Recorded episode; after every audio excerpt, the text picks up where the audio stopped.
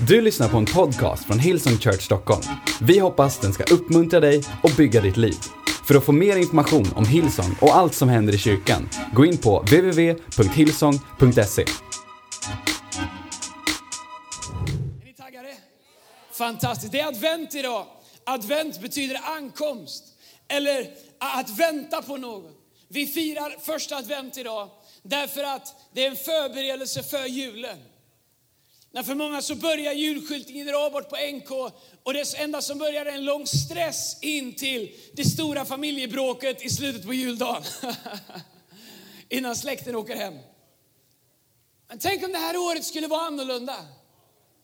Tänk om första, andra, och tredje och fjärde advent skulle vara en resa där vi bestämmer oss för att förbereda våra hjärtan. För att fira det faktum att när vi inte kunde komma till Gud så kom Gud till oss. Tänk om vi skulle bestämma oss för absolut köp julklappar.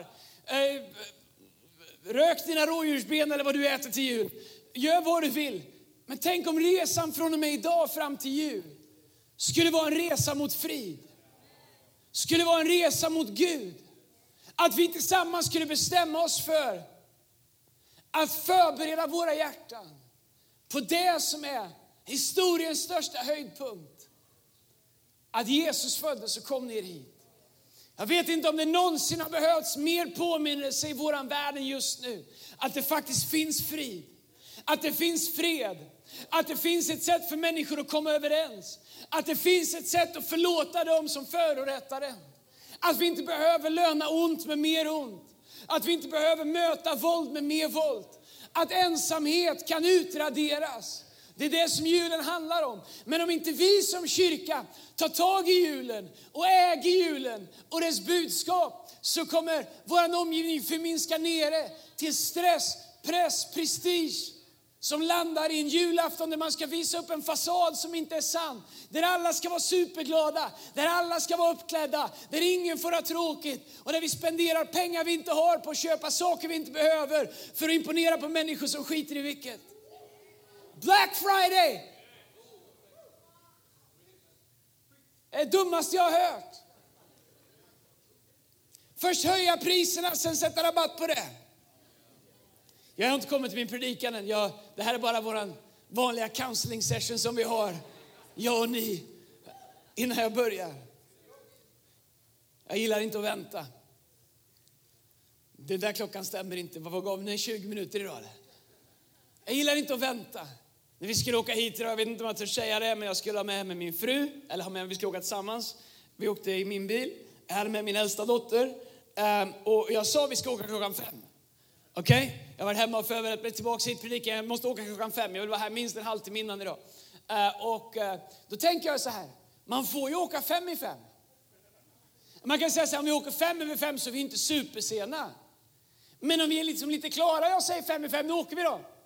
Då är fem minuter supertid. Vi kan ju inte åka fem minuter innan vi har sagt fem. Jag fattar inte skillnaden. I min hjärna så är fem minuter innan en kvart för sent. Men, men du kan räkna på det när du kommer hem.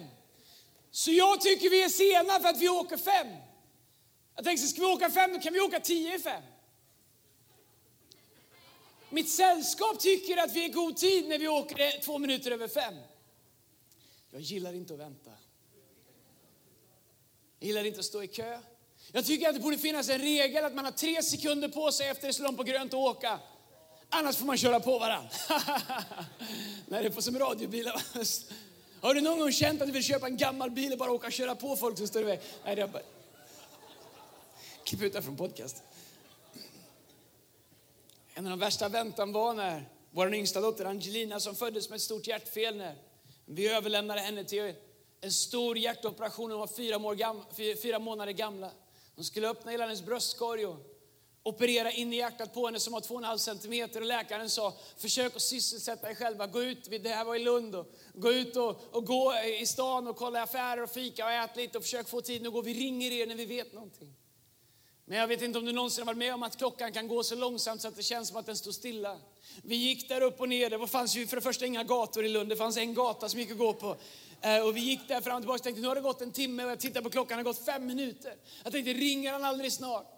Självklart så försökte jag ju ringa sjukhuset efter halva tiden och fråga hur det går men det gick ju inte att komma fram till någon. Efter åtta timmar så ringde läkaren och sa, ni kom till sjukhuset så ska, ska vi prata. Jag frågade, hur har det gått? Han sa, det vill jag inte säga över telefon. Jag vill, att, jag vill träffa er när jag säger det. Jag tänkte, hade det varit bra så hade han ju sagt, det har gått bra, kom och träffa er dotter. Vi åkte dit, vi kan ha kört lite för fort och kan ha genat eh, någonstans, på, någon, någonstans och, och vi kom dit snabbt och sprang in där och han frågade, hur har det gått? Jag har väntat åtta timmar. Han sa, operationen har gått bra.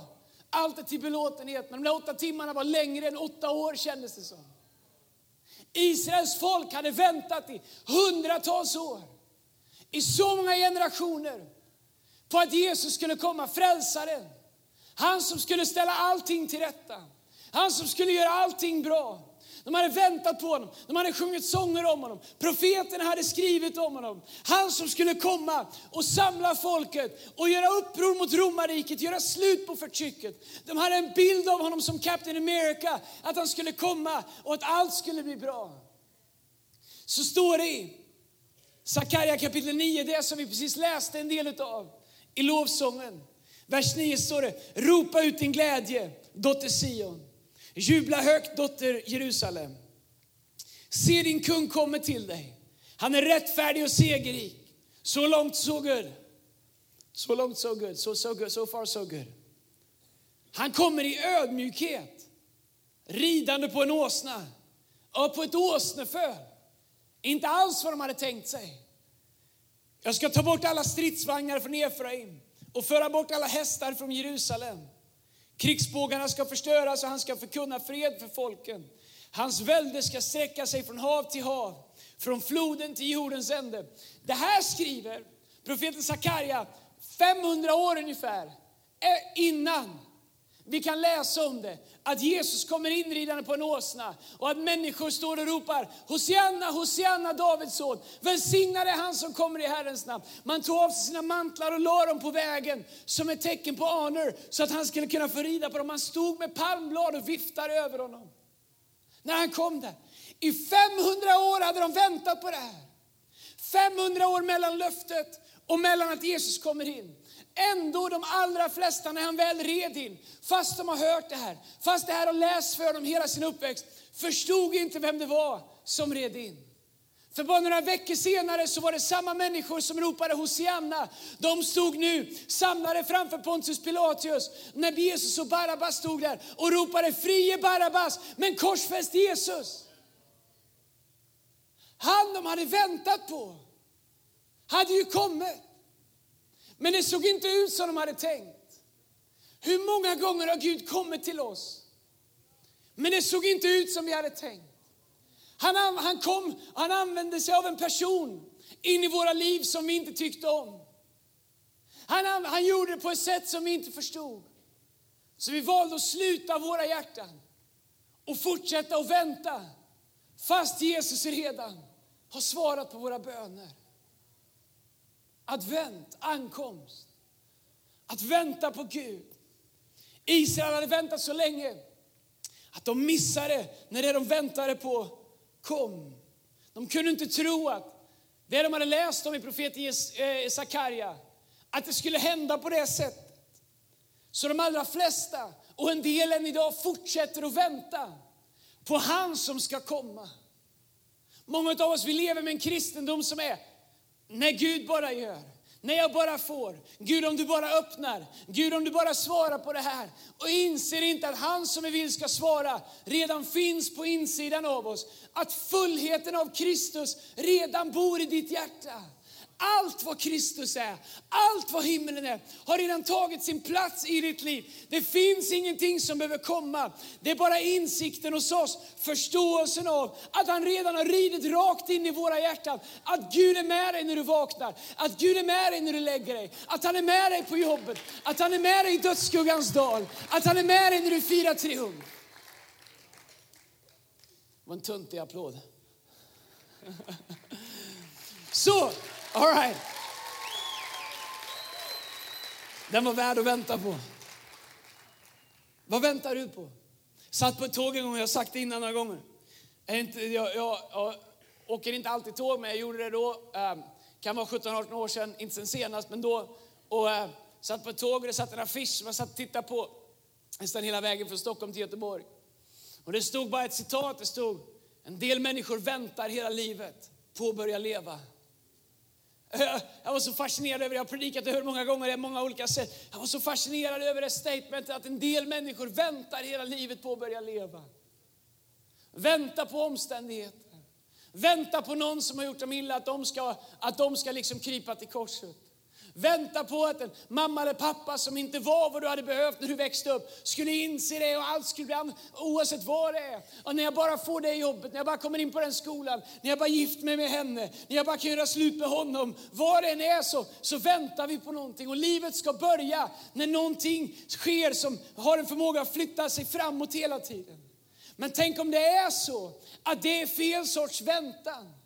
Men jag inser också att det finns en väntan som även vi som följer Gud, allihopa tar oss till vårt bästa och som vill leva efter hans ord. Att det finns säsonger i våra liv när vi faktiskt får vänta.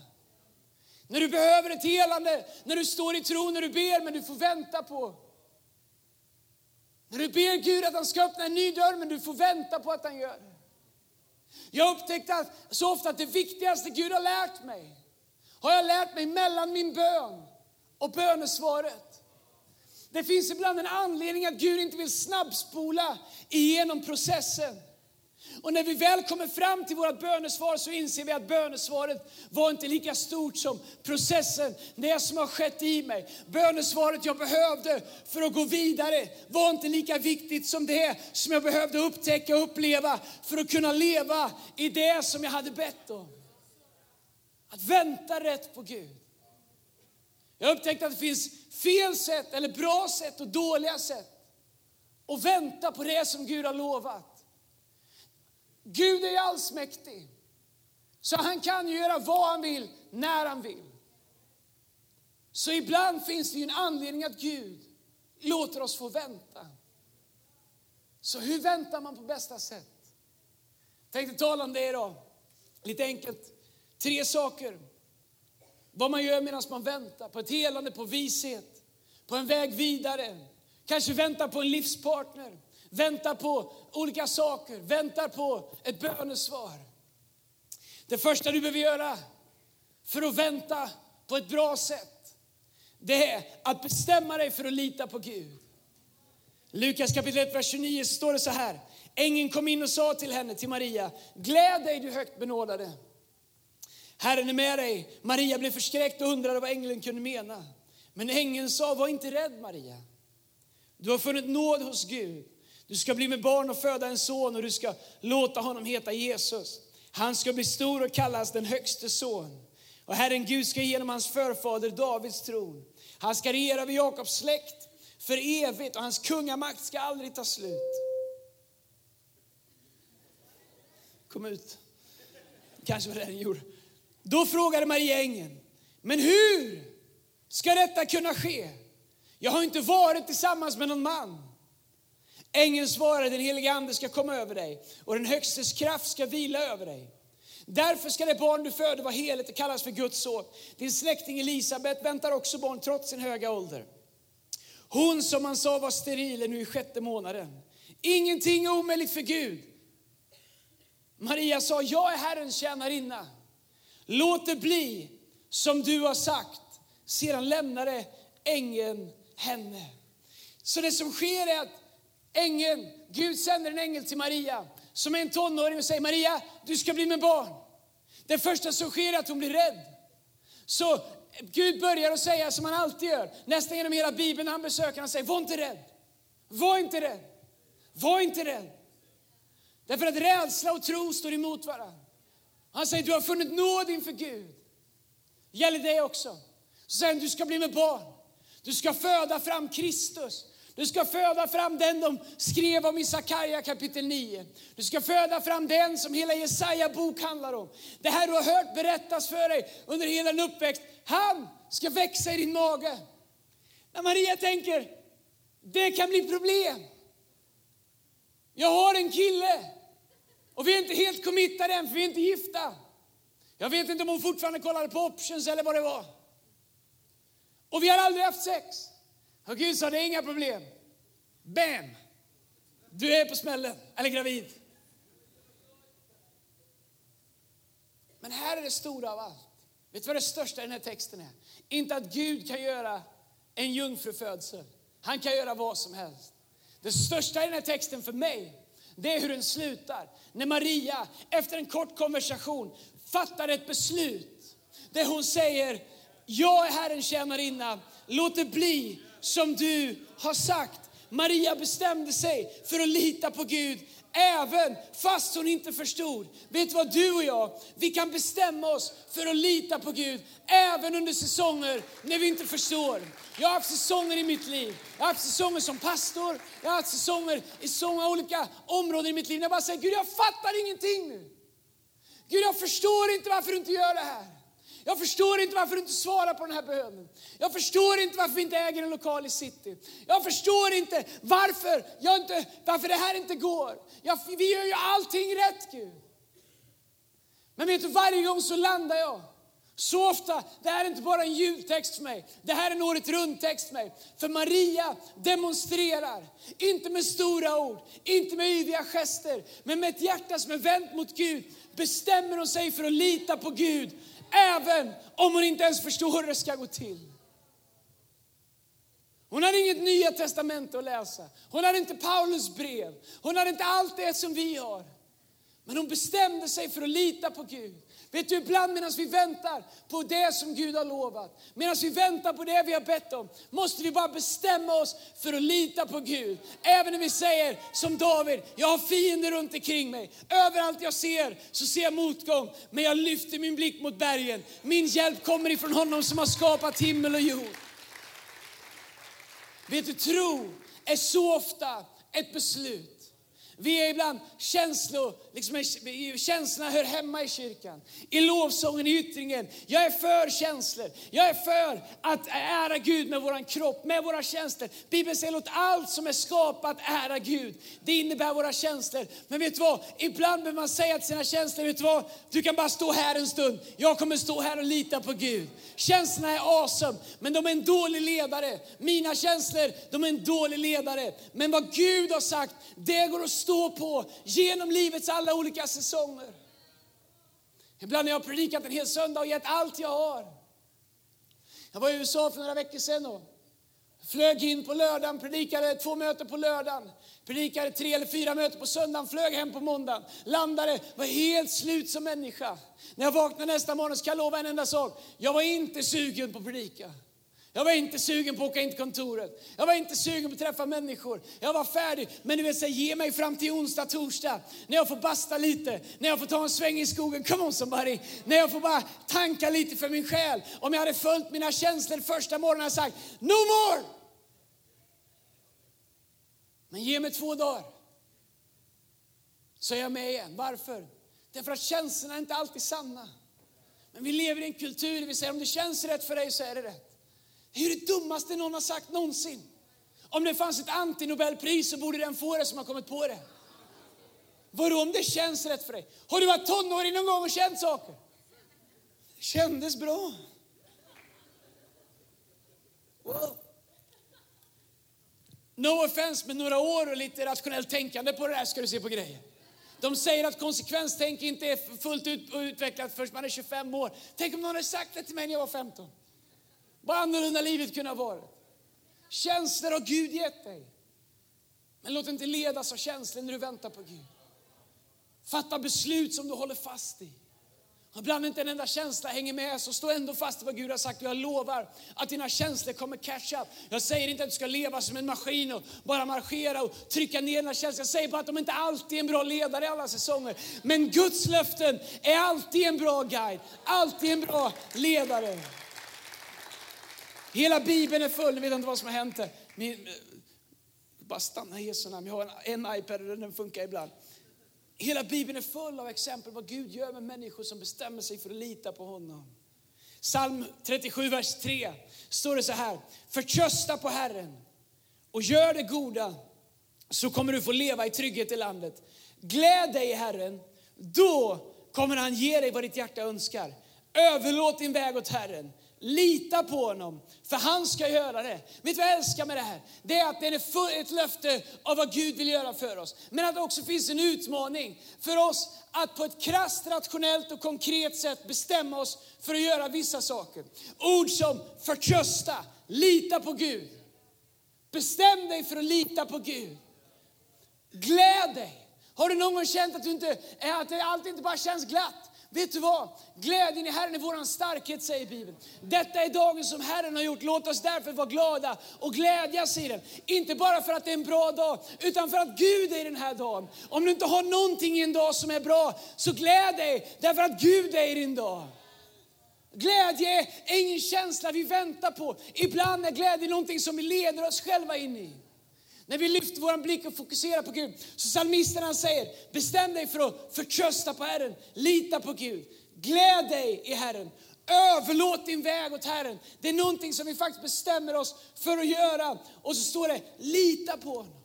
Vad skulle hända om vi i situationer där vi väntar bestämde oss för att förtrösta, för att glädja oss och för att överlåta våran väg åt Herren och veta att han som har startat ett gott verk oss, han är trofast, han är rättfärdig, han kommer fullborda det. Bibeln säger att även om vi skulle bli trolösa så förblir han trofast.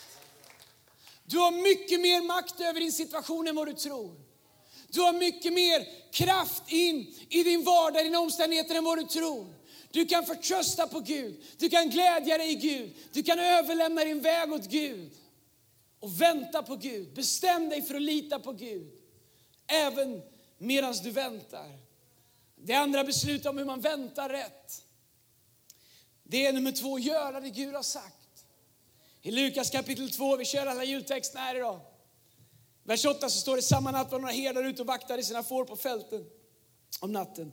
Då stod plötsligt en Herrens ängel framför dem och Herrens härlighet lyste omkring dem. Uh, de blev fruktansvärt rädda. Återigen blev folk rädda när de, när de ser Gud första gången. Men ängeln sa till dem, var inte rädda. Jag kommer till er med ett budskap om en stor glädje som gäller hela folket. I natt har en frälsare fötts åt er i Betlehem, Davids stad. Han är Messias. Alla visste vad Messias var, man hade hört om honom i generationer. Han är Messias, Herren. Det här är ett tecken för er. Ni ska finna ett lindat barn som ligger i en krubba. Och plötsligt var ängeln omgiven av en stor himmelsk här som prisade Gud. Ära till Gud i höjden och frid på jorden och till dem eh, som hans välvilja vilar över. När änglarna hade farit tillbaka upp till himlen sa herdarna till varandra, kom, vi måste gå till Betlehem och se det som har hänt och som Herren har låtit oss veta. De skyndade iväg och fann Maria och Josef och det nyfödda barnet som låg i krubban. Och när de hade sett barnet berättade de för alla vad, de hade, vad som hade sagts till dem om detta barn. Men Maria la allt detta på minnet och begrundade det sen i sitt hjärta. Hon kom ihåg vad Gud hade sagt. Hon som hade väntat och litat på vad Gud hade sagt påmindes nu om att Gud hade fullbordat vad han hade sagt som hon inte förstod men ändå bestämde sig för att gå på. Alla förvånades över herdarnas berättelse. Herdarna vände sedan tillbaka och hyllade och ärade Gud för allt de hade fått höra och se. Lyssna sista, sista raden. Allt var precis så som det hade sagts det. Allting blir som Gud har sagt om vi följer honom. Herdarna, de möter en ängel, de blir livrädda, fyllda med fruktan. Ängeln säger till dem, var inte rädda. Varför säger han till dem att de inte ska vara rädda? Därför att tro och rädsla är varandras motpoler. Rädsla kommer alltid driva oss bort ifrån det vad Gud har sagt. Men tänk om inte, men tänk om andra inte förstår, men tänk om det inte håller. Jag har gett mitt liv till Gud, kommer det verkligen bära? Rädsla kommer alltid ta oss till tvivel. Tro kommer alltid dra oss närmare Gud. Det är därför som Gud alltid responderar på människors rädsla. Inte med dom, inte med skam, inte med förkastelse, utan genom att säga, var inte rädd. Du behöver inte vara rädd. Men herdarna, de säger att allt var precis som Gud hade sagt. Vet att Gud vakar över sitt eget ord. Gud håller sig själv accountable till allting som han säger. Bibeln säger att inget ord utgår från hans mun utan att återvända. Bibeln säger så här, Guds ord återvänder aldrig utan att ha uträttat det som det var utsänt för. Har Gud sagt det så kommer Gud vaka över att det levererar och producerar det som Gud har sagt. Även om vi ibland får vänta. Och min bön är att du verkligen skulle ta det till dig. Du som kanske väntar på något område i livet. Har Gud sagt det? Det spelar ingen roll hur stora berget Det spelar ingen roll hur dåliga oddsen är. Gud kommer själv vaka över sitt ord. Och vi kommer kunna stå som herdarna en dag och säga, allt som Gud sa blev som han hade sagt. När vi säger att vi bygger en kyrka som förvandlar en nation. Jag har fått ett och annat leende från någon, eh, någon kollega någonstans eller från någon Facebook-person eller från någon som säger, vilka tror ni att ni är? Nej, när jag tittar på vad vi gör så inser jag, vi förvandlar ingen nation än. Men har Gud sagt det så kommer Gud vaka över sitt eget ord. Och även om jag inte vet hur länge vi kommer få vänta eller hur lång vägen är, så tack och lov så är det inte mina ord. Utan Gud har sagt att han ska vända hela generationer till Gud. Att han ska vända fädernas hjärtan, söner och döttrars hjärtan. Att Gud kan förvandla ett land. Att Gud kan ta vårt land med alla slitningar, all trasighet, all isärdragning, all segregation. Allt som finns, att Gud kan vända det till, något, i ett land som blir förvandlat. Hur ska det gå till? Vilken regering ska vi ha då? I don't care! Det är inte mitt jobb att, vara, att vaka över Guds ord. Det är mitt jobb att göra det som Gud kallar mig till. Och det är ditt jobb att göra det som Gud kallar dig till. Och till slut kan vi stå bredvid varandra och säga, allting blev som han hade sagt. Det gäller ditt liv, det gäller ditt äktenskap, det gäller din hälsa, det gäller dina drömmar. Allt har potential att bli som Gud har sagt om vi bara håller fast i vad Gud har lovat. Så medan du väntar, gör vad Gud har sagt. Herdarna hade aldrig upptäckt att det blev som Gud hade sagt om de inte hade gått till Betlehem den här dagen. För att se Gud göra vad han har lovat så måste vi göra det Gud säger. Så ofta vill vi ha vad Gud har lovat utan att göra vad han har sagt. Men om du gör vad Gud har kallat dig till så kommer du alltid få vad Gud har lovat. Det gäller oss som individer, det gäller oss som kyrka. Abraham, till sist. Eller näst sist. Eller tredje sist. Abraham, han var gammal. Han hade fått ett löfte, han hade väntat 25 år. 25-26 år fick han vänta på att se sin son Isak. Han var 75 år när Gud sa till honom, du ska få en son. Bibeln säger att hans fru som ungefär lika gammal hånlog åt honom. Jag vet inte om det var för att de delade sovrum, man hade sett varandra ganska länge och insåg att här kommer inte bli några barn. I don't know. De var människor. Men Abraham höll fast i det där. Men en dag tröttnade Sara på att vänta. Hon tänkte, ja, ja, jag väntar inte längre, jag ska hjälpa Gud på traven. Har du hjälpt Gud på traven någon gång? Har du känt att du vet, Gud det här tar inte lång tid, låt mig hjälpa till lite grann. Så Sara säger till Abraham, Abraham du vet vår tjänsteflicka, hon den unga snygga där. Kanske att du bara skulle få ett barn med henne. Och så har vi löst det här. Jag är trött på att vänta. Nej, jag vet inte, ingenstans står det att Abraham var speciellt svårövertalad. Va? Menar du, men Sara du vet hur barn blir till va?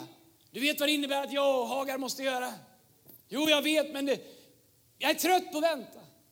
Jag vet inte, men när man läser det så går det ganska fort. Jag tror att Abraham, snart 100 år, gjorde 100 meter på 9,0 blankt rakt in i Hagars tält. Tobias Garland lätt roar. Och så får de en son som heter Ismael. Och jag har inte tid att gå in på det, men det har skapat problem i världen ända sedan dess. Alltid när vi tar på oss och ger Gud en lösning så skapar vi problem i våra liv. Alltid när vi inte väntar på vad Gud har sagt utan säger Gud jag tar det här i mina händer istället. Så skapar vi problem i våra liv. Sara och Abraham tänkte vi, vi kan hjälpa Gud på traven, vi är trötta på att vänta. Vi är trötta på att göra som Gud har sagt. Så de gjorde en mänsklig lösning på ett gudomligt löfte. Men de fick inte vad Gud hade lovat. Men här är hur god Gud är.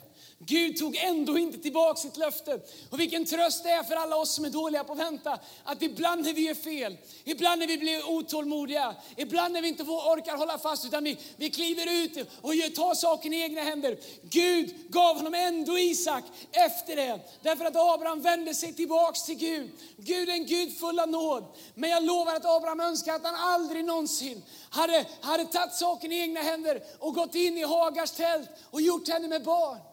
Det var inte det som var löftet. Det var inte det som var Gud har sagt. jag ser en del människor som tröttnar på att vänta.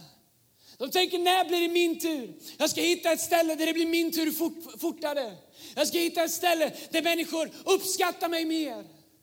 Kanske är det så. Kanske behöver jag säga det till någon här idag. Kanske många inte förstår det, men om du förstår det så förstår du det.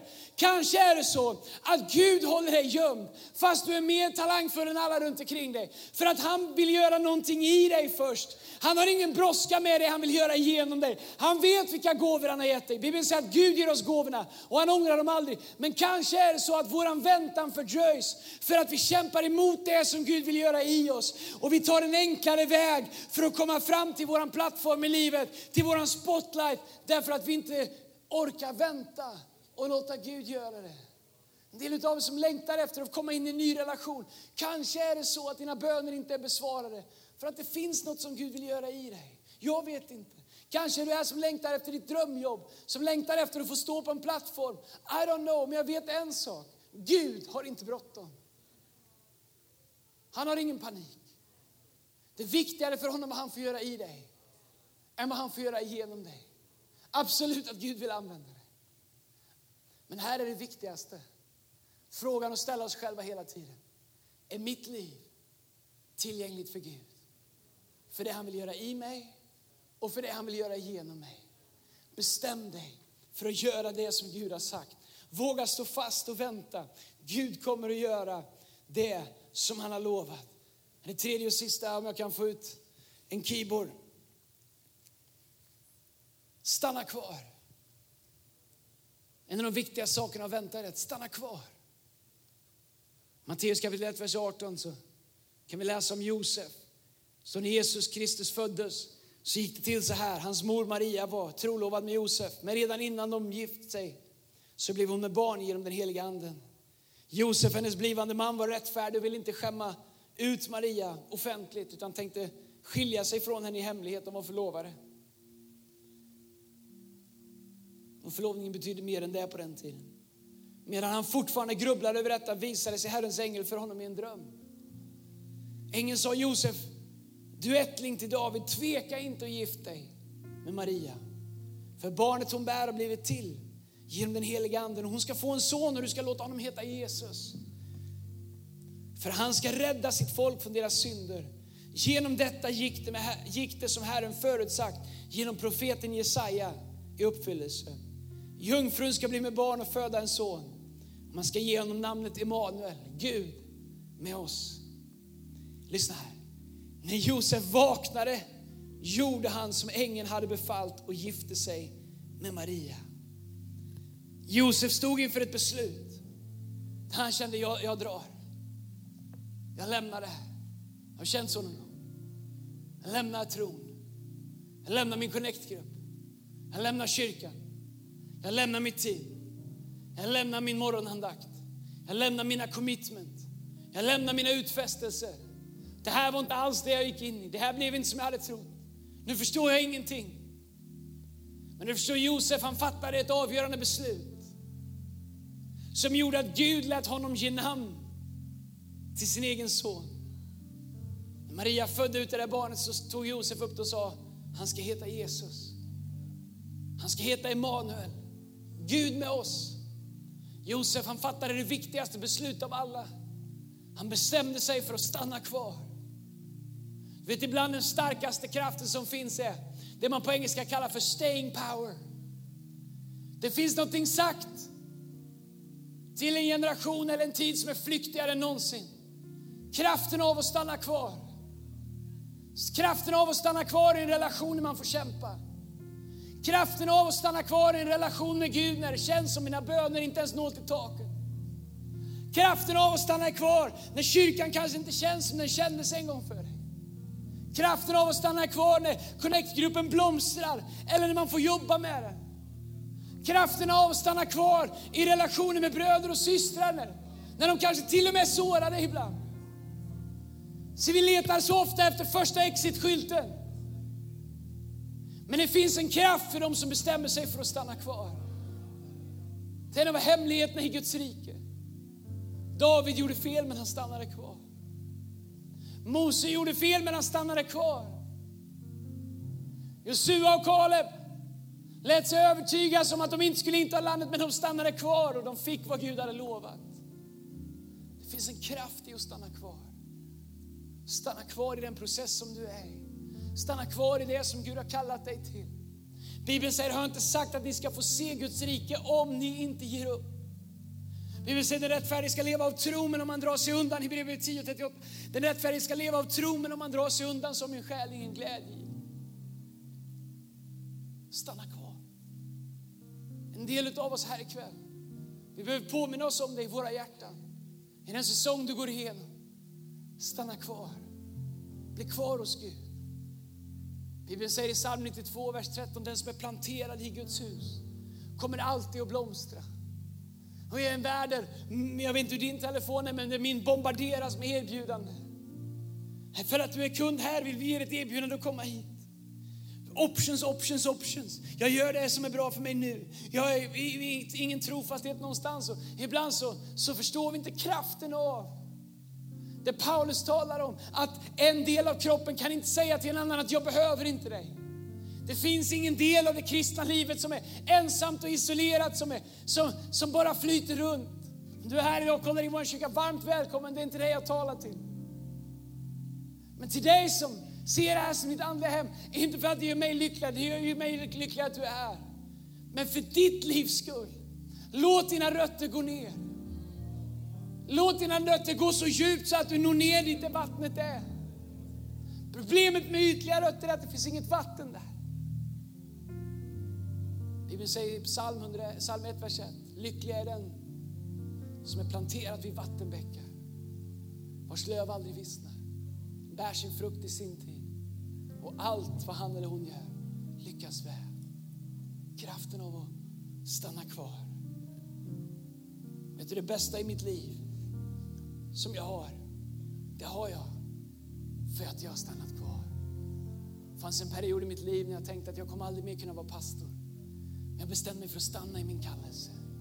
Inte för att jag såg att Gud någonsin skulle kunna använda mig. Men jag stannade kvar i det som Gud hade sagt. Snart 18 år i mitt äktenskap så är det vad det är på grund av Lina och på grund av beslut som vi har av att stanna kvar i det. Och om någonting blir trasigt så stannar vi och lagar det. Inte letar efter en nystart någon annanstans. De relationer som jag har som betyder mest för mig har jag haft i, i många, många år, i tiotals år. Varför? Därför att man bestämmer sig för att stanna kvar. Bästa i min relation med Gud kommer inte från att alla säsonger har varit underbara. De kommer från att jag har stannat kvar hos honom. Och över tid har han visat att han är trofast. Det är okej okay att vänta. Det är okej okay att känna att man är i ett standby-läge. Men bestäm dig för att lita på Gud. Bestäm dig för att göra det Gud har sagt. bestäm dig för att stanna kvar i det som Gud har kallat dig till. Och jag lovar dig att Gud kommer vaka över sitt ord, över sina löften. Och det du väntar på kommer komma exakt som Gud har lovat. På samma sätt som herdarna sa, allt